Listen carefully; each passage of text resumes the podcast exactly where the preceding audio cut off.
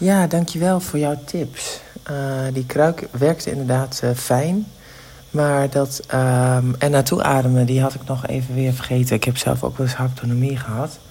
En dat heeft mij wel altijd uh, veel gedaan. Dus um, daar ga ik nog eens eventjes mee aan de gang. En je had nog een tip. En die ben ik dus alweer kwijt. Um, het was dat er naartoe ademen en... Nou, dat zal ik straks nog wel even terugluisteren. Maar in ieder geval, dankjewel. Het gaat alweer beter. uh, dit, dit, dit knapt vanzelf weer op. Ik denk inderdaad dat het zoiets als spit is. Maar ik weet het ook niet. Wij geven overal namen aan. En allemaal voelen we dat verschillend. En uh, gaan, dan gaan we generaliserend zeggen, het zal wel spit zijn, weet je. Dus ik probeer maar gewoon het te benoemen zoals het is. En dat is bijna mijn ergens, ergens in mijn onderrug kan het ook niet eens echt goed aanwijzen.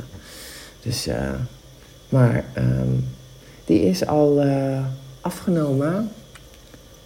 alleen met wandelen met de hond is natuurlijk nog wel een beetje... ja, ik ben gewoon voorzichtig. Ik let gewoon wat beter op mijn stappen en zo. Dus bewuster met mijn lijf bezig. Nou, daar is helemaal niks mis mee.